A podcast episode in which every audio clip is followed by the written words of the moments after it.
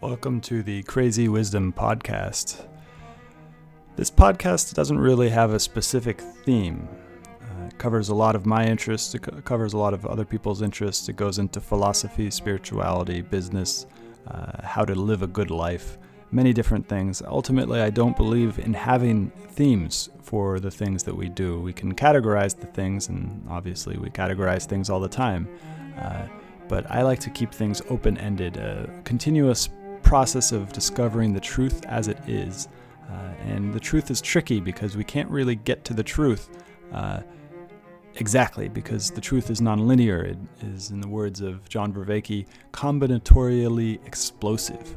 Uh, even the truth of this window that I'm looking at, the window itself, the glass that makes up the window is combinatorially explosive. The cup that holds your water is combinatorially explosive. You cannot model that cup totally in your head. You're only getting an image of it in with your eyes and your brain. That's not the actual cup itself.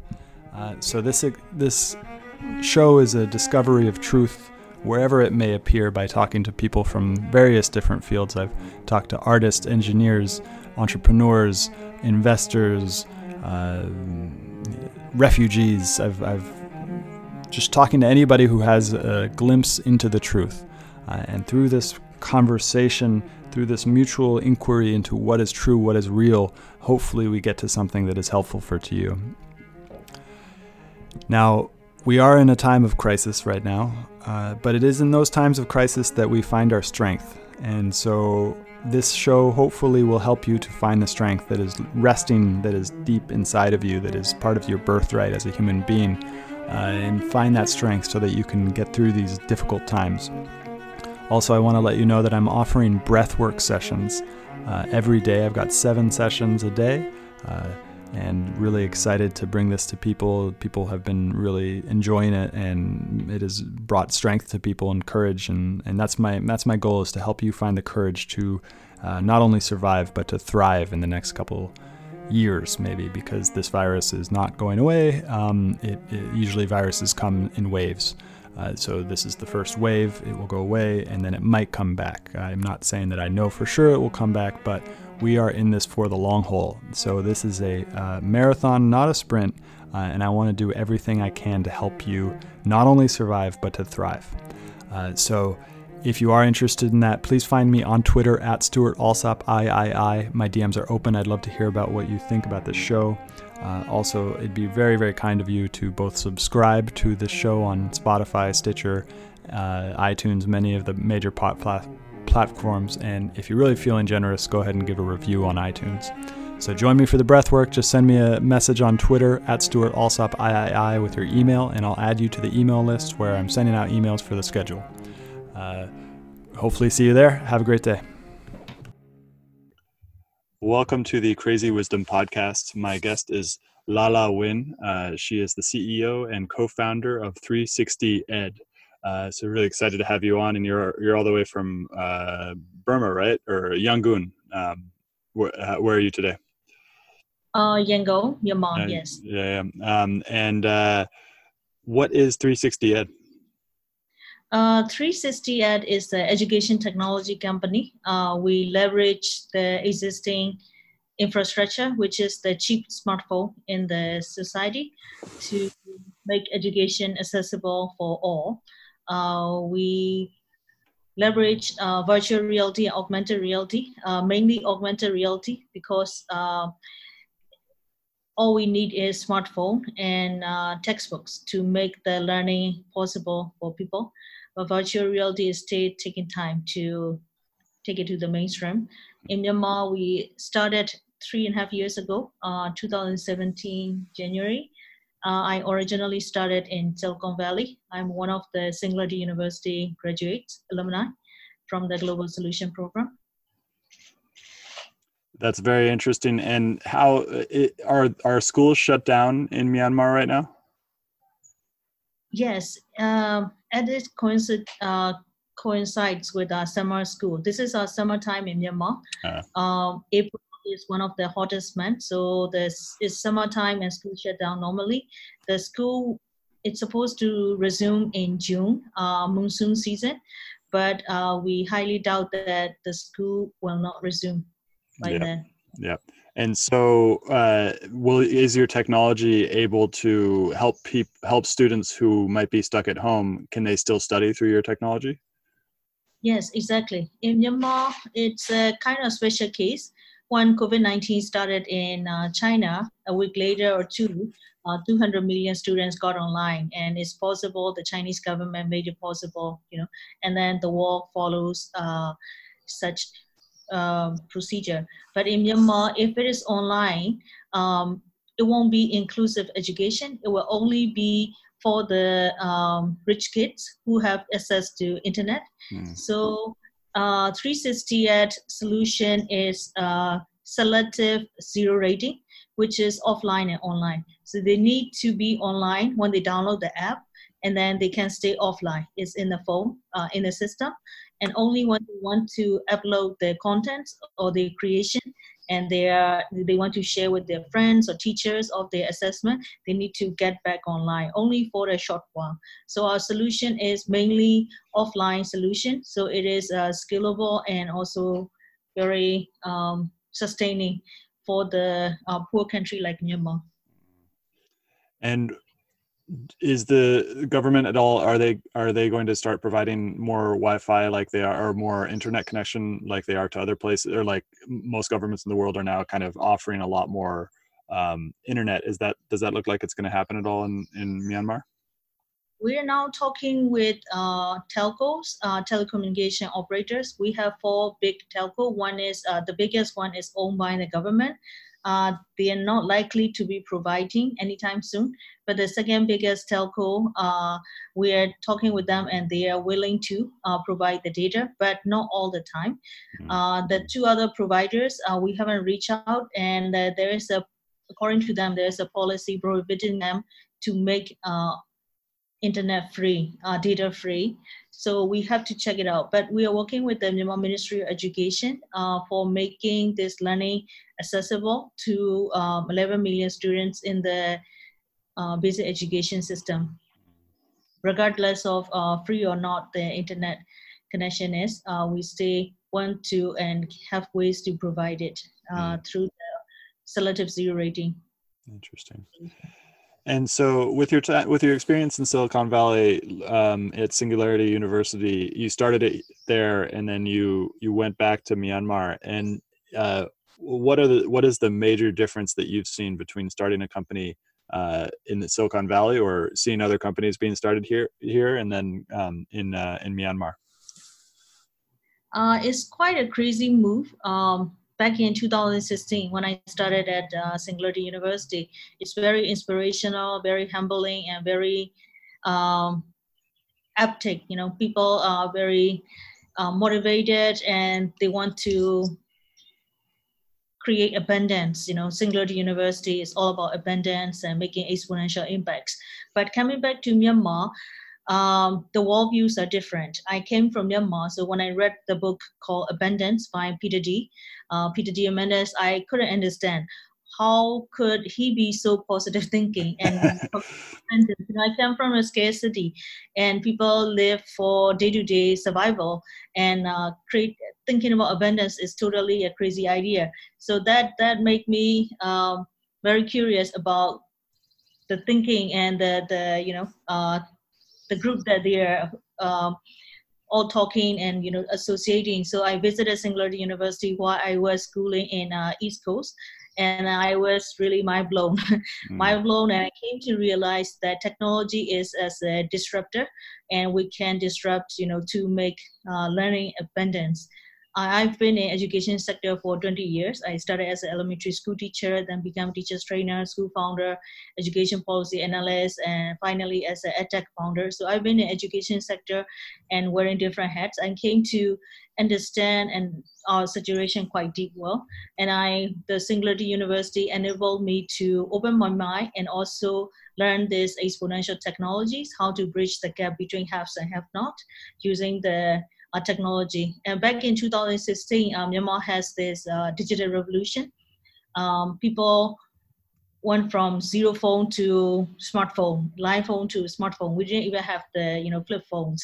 Myanmar is the one of the countries that went you know straight to the smartphone, and uh, thanks to China, the smartphones are quite cheap. You know, fifty dollars and it's affordable. It's the first ever device that individuals own. So the mobile penetration is quite high.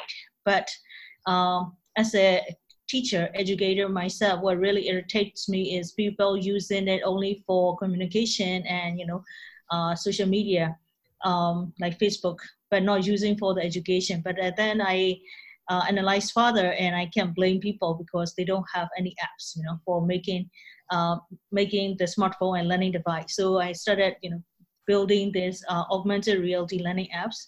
In 2017, the first prototype app was uh, built interrogation for my daughter.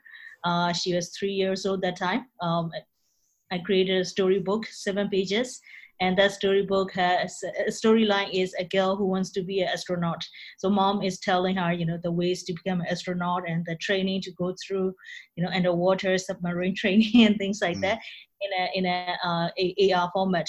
And then uh, we were invited to showcase it at the Children Literature Festival that is hosted by the government. And uh, within three days, uh, the app spread like wildfire and people came and give us uh, feedback.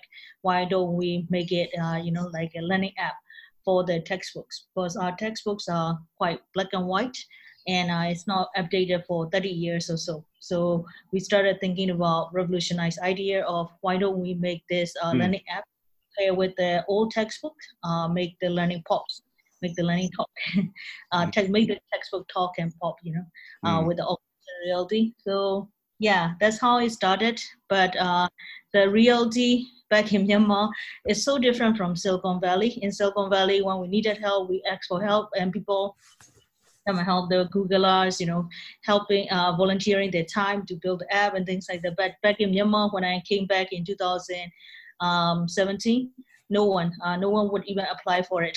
Mm. the job they what is the uh, it was uh, so harsh reality, but uh, we built the team step by step, and now we have a team of uh, eight people full time working together with us, and we now have a series of learning apps uh, for Myanmar and also scaling uh, internationally now. Where is the next country? Um, Indonesia, Philippines, uh, Cambodia, Vietnam.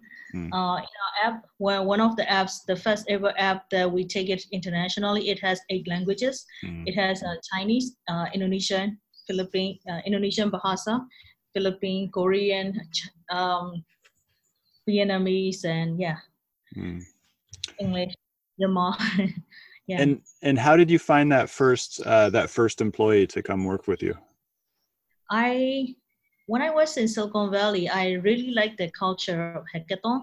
Although I was in my mid 30s, you know, I was the oldest woman hmm. uh, in a sleeping bag going to hackathons after hackathon on the weekends. Uh, but I really like the culture because that is uh, very first um, first first based learning and and also goal oriented um, you know either solving a problem or building a project building a prototype quick quick quick.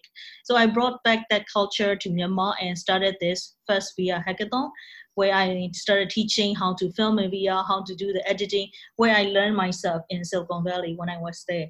The people the young people who were curious about vr and ar they came to my workshop they attended you know three days hackathon and then uh, they became my first employees. Mm and mm-hmm. um and so is there so I've I, I, lived a lot of time in Brazil in Rio de Janeiro and this was back in 2012 and there weren't a lot of people but I met uh, one of my friends who eventually became my business partner he had been reading all of this stuff in English about Y Combinator and kind of got me all excited about it because he had access to this through the uh, English internet uh, is mm-hmm. that something similar happening in Burma among young people who are like finding Paul Graham's epi- um, I guess it happened with you because you found uh, Peter Diamandis' uh, book Abundance, which I've read as well, which I really really enjoyed that book.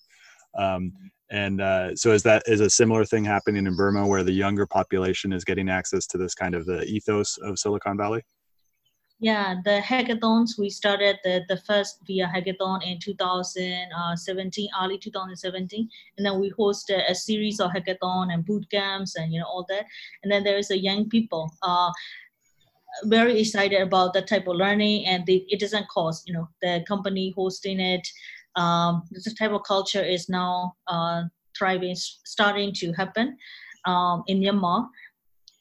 I also, uh, back in 2012, 2013, 14, when I was uh, studying um, for my master degree, um, I got introduced to edX and I shared that learning with um, people, young people who were my students, you know, um, adults, young adult learners about the edX and Coursera, and they were not interested.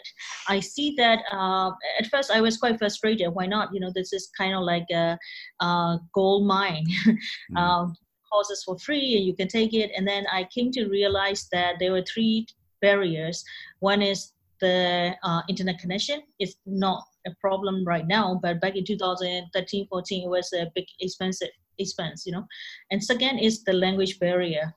Uh, and those who have internet connection at the office and those who do not have the language barrier, they still have the that barrier, which is the biggest, which is the uh, confidence in self-learning.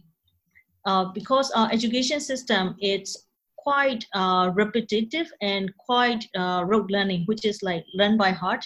You don't need to understand. Um, Myanmar history, if you to look back a little bit uh, behind, um, Myanmar was run by a dictator for you know uh, decades. And 60 years of dictatorship, uh, that's how they control the country and stay in dictatorship for 60 years, controlling the education system and intentionally not educating people to think to to be creative, to think for ourselves and to think for others and to be creative, kind of like uh, obedience to authority, you know, that type of mentality to now the new Myanmar with the elections and, you know, uh, we have a voice to share. So there's a big jump from that dictatorship to more democrat- democratized uh, society. So I came to realize that uh, the learning, uh, we, it's, we, we need to start from the young age you know, to have confidence in learning. Otherwise, there are abundance of learning opportunity outside, but they don't try to get it because they don't have this confidence in learning. Even though they don't have problem with the internet connectivity, they don't have problem with the language, they still have lack of confidence in learning. So I, I try to build this uh, confidence in learning through the language, uh, through the learning apps you know that we create. Mm. Uh, that's for me. And uh, the Silicon Valley, uh, I see that young people they are very confident. They are very confident in learning new things. Like everything can everything is new and they love to learn the new thing. I don't see the vibe. I didn't see the vibe much in Myanmar. But Yangon, of course, Yangon is the biggest city, is cosmopolitan and is very international. So young people in Yangon have this vibe, but entirely Yangon is a bubble. You know, Yangon only have the 5.5 populations, my, my city, but the whole country is 50, 53 million. So um, if the majority don't have this um, confidence in learning, then we're toast. we're toast. So I, I really care about this uh, building learning confidence. Uh, making small success, you know, and also care about this uh, creativity and anal- analytical thinking and all that. So we're trying to provide that through the learning apps, and we're also trying to free up teachers' time because right now teachers are, how to say, authoritarian figure in the classroom. You know, this uh, passed down from the dictatorial, you know, uh, politic political uh, era to now more democratic era, the society is much more advanced in terms of democratization, but classrooms are left behind and stay stuck in this 18th century. And I, as a mom, um, myself, and as educator myself, it's not fair uh, to keep on giving the learning tools that is, you know, in 18th century.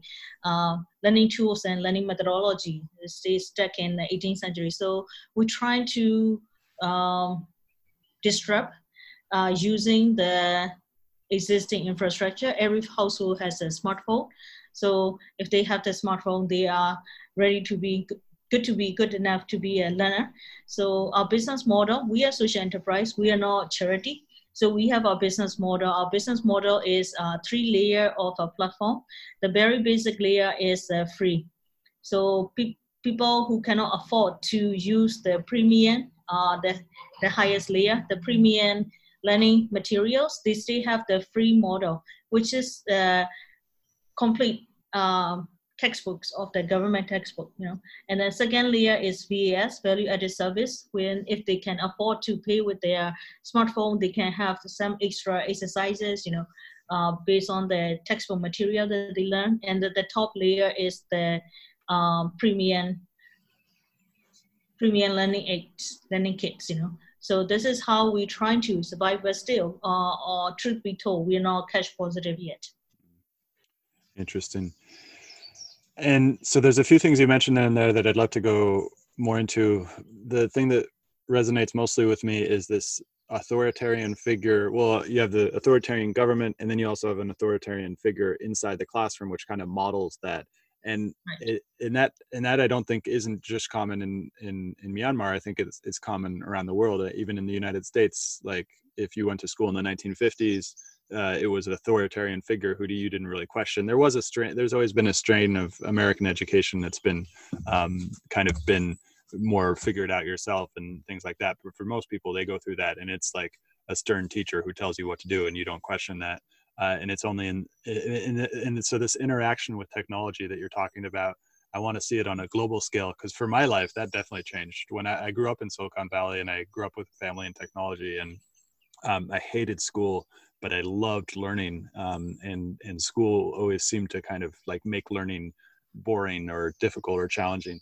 Um, and uh, and so, but technology, like I've, I've been thinking about as we've been talking, I've been thinking about this game that I used to play called Civilization, um, and oh. how that. Yeah, did you did you play it?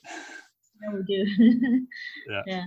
Uh, and so civilization taught me all about the world and taught me all about resources and taught me all these different things and i learned through this game about you know the kind of flow of history and and how different governments work and uh, you know was a really base level but that gave me this kind of foundation in understanding the world that was way way better than a lot of things. So i love what you're doing about combining technology. How do you think what is the relationship between creativity and uh, and technology? And maybe like how does technology offer this sort of liberating force against the strain of thought that we should you know force feed people education i'll speak for myself right um, i i quit high school after ninth grade um, i had difficulty reading uh, when i was a child my mom was a teacher and uh, I didn't know I had dysle- I was dyslexic mm. until I went to you know college in U.S. and major in education, minor in special ed. I came to understand the type of learner I was. I was dyslexic, and I also uh, ADHD kid. so the time I love most in school is you know when teacher asked me to buy things outside of the school. I, I hate staring at the teachers back when she was writing on the squeaking, squeakily writing on the mm. blackboard. You know, I hate it. I hate that scene. Mm. Uh, so I, I didn't fit in the mainstream classroom, but I was very curious. I asked so many questions, and because of asking questions, I was sent to the principal office so many times. um, even my friend, you know, he, he doesn't bother to give me uh, a, a, hard time because I visit his office uh, every so often. And um, so uh, our system, I was failing in our system. I quit high school, but I took the matriculation exam, which is like SAT, you know, ACT, and I scored okay. So I went to college, but I failed the final year exam again, you know. So I was struggling in our system, but I wanted to prove uh, to my parents and to my you know, I, I, was a teacher already at that time when I was failing my final year exam. I was an elementary school teacher. So I wanted to prove to my colleagues and my my boss that I wasn't stupid, you know. So I took this uh, TOEFL and SAT and I won full scholarship to study in US. So I came to study in US and my I major in education, trying to understand what does it take to learn? And you know what does learning means? And how to motivate people to learn and things like that. And then i minor in special ed and reading and esl i was a very greedy learner. By the time i graduated from college i already had three minor lined up. Uh, so i came to understand the type of learner i was uh, the motivation i had. And um, I, I was very um, but but but back in two uh, back in 1990s, right, in Myanmar, there was a socialist era, and it's an isolation from the rest of the world. The world doesn't know Myanmar existed, anything like that. So we don't have any tools. Uh, the only technology I had uh, that time was the color chalk. My mom used color chalk and ruler to teach me how to read. And she highlight the verbs in the sentences, and it makes me close my eyes and imagine this verb popping up and you know doing the action. And that's how i try to make sense of every sentences and all that. That's the technology i had. And the ruler to read line by line and things like that you know. And that imagination really helped me to become a learner. And then i continued to have this full scholarship from harvard and you know singularity university and all that. So looking back i wasn't stupid at all. I was just a mis- misfit because of the mainstream education only favors and only gives points to those who are obedient to teacher. Because that is the system the government was you know the previous government was building this dictatorship. So i now look back in our society. The society it's quite advanced in this democratization process but classrooms stay stuck. So I cannot go and force the teacher because another thing about Myanmar is uh, we are Buddhist country, mainly 75% is Buddhist country.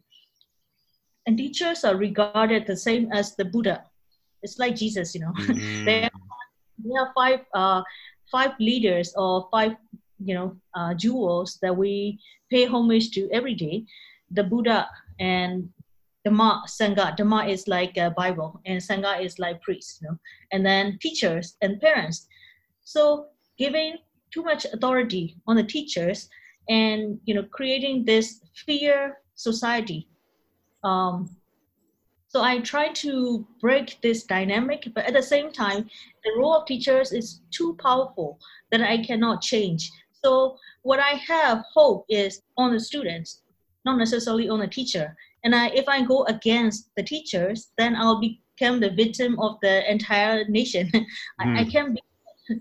So I have to play very, um, you know, uh, nice. yeah, like like that. So I have to target the students, and I use the children's curiosity and playful way of learning. You know, mm. kids are very playful and very only it's only the adults that telling them you know don't do this don't do that and you know their curiosity stop so i try to arouse this curiosity and try to use the playfulness uh, in learning. So that's how we build this uh, integrated augmented reality in learning.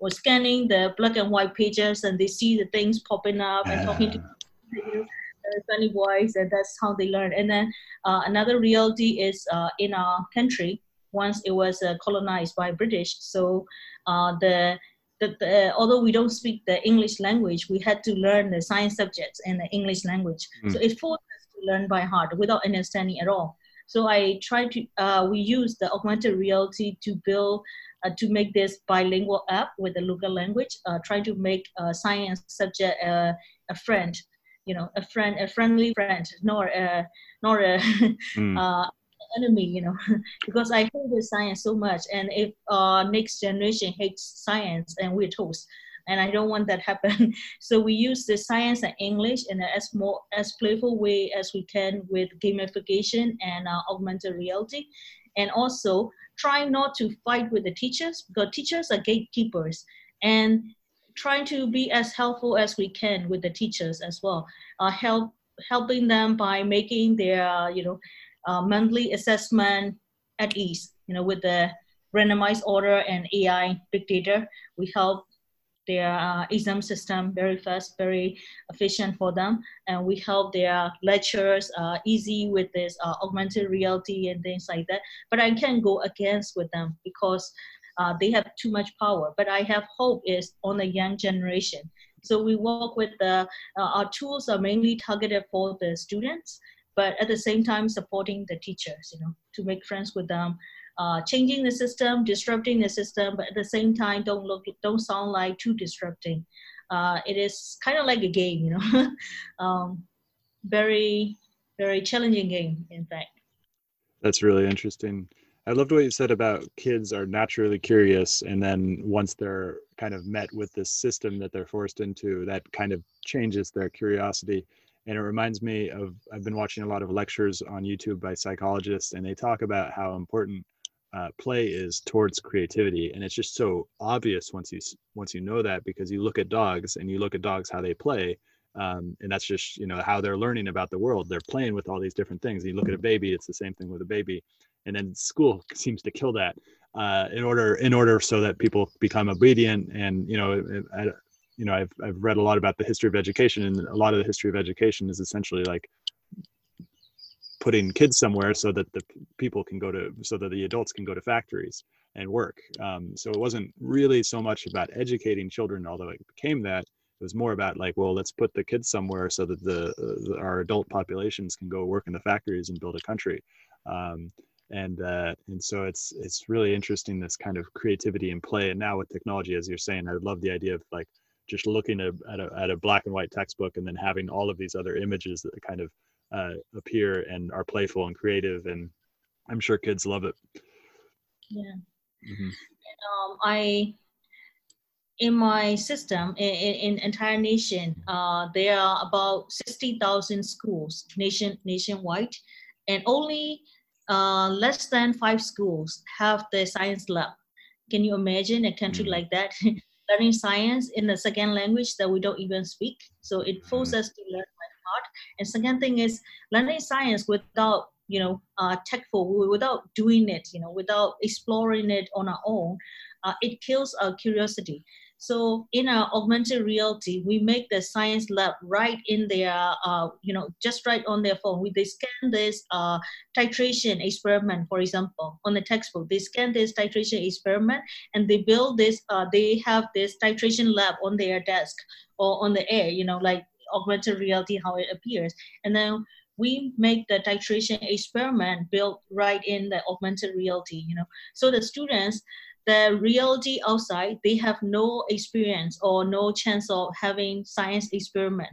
but with the app, they have science lab in their home, on their palm, or you know, in their in, in right in their palm with a smartphone. That's how we uh, make use of this existing uh, existing infrastructure, like cheap smartphone. Mm.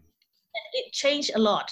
The kids who had to learn this uh, three page, two pages of titration experiment, um, it takes them uh, they still have to learn it for exam but since they they understand it retention is higher and they mem- they remember it much more and they can even write it down you know with the broken english or the points they remember from their re- the almost real experiment in the ar you know it makes it uh, a lot different a lot much better.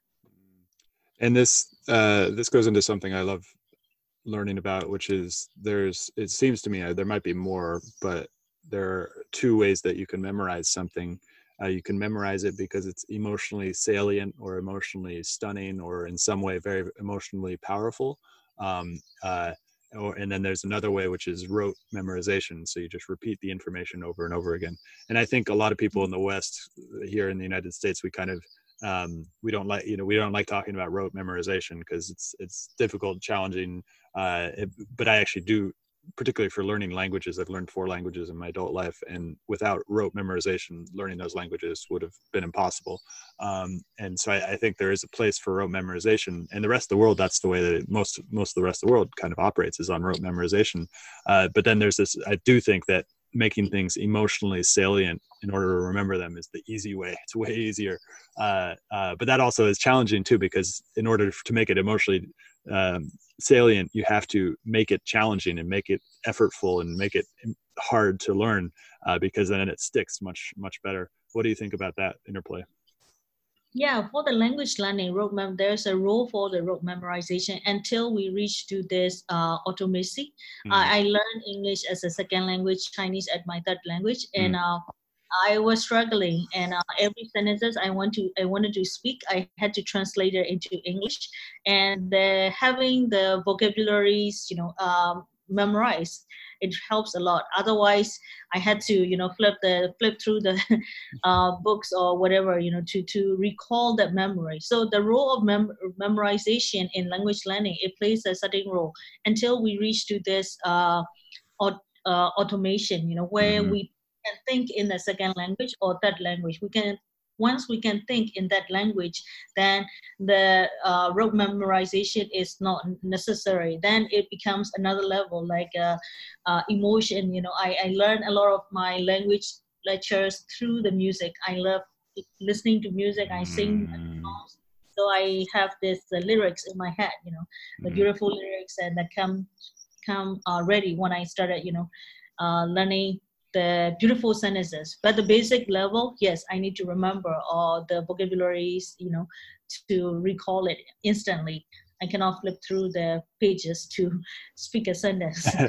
Uh, what you just said about um about uh the um, singing is so i just learned it uh, uh, that i could i could learn how to sing in other languages and that would help me with the languages. And it's amazing because it's helping me with pronunciation uh, uh, yeah, because for Spanish, I have this one song that I just loved, and then I looked up the lyrics and I started singing it. I was like, oh wait, I can tune into her voice and understand the pronunciation in this in those words, as opposed to me just trying to speak in my American accent, which is really mm-hmm. cool.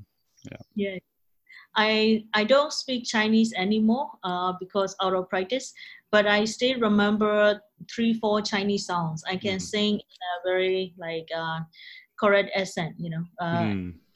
At the ASEAN dinner meeting, I surprised, you know, singing the Chinese on the stage, and people were like, "Oh, I just you know, I don't." I can, sing. can sing in it.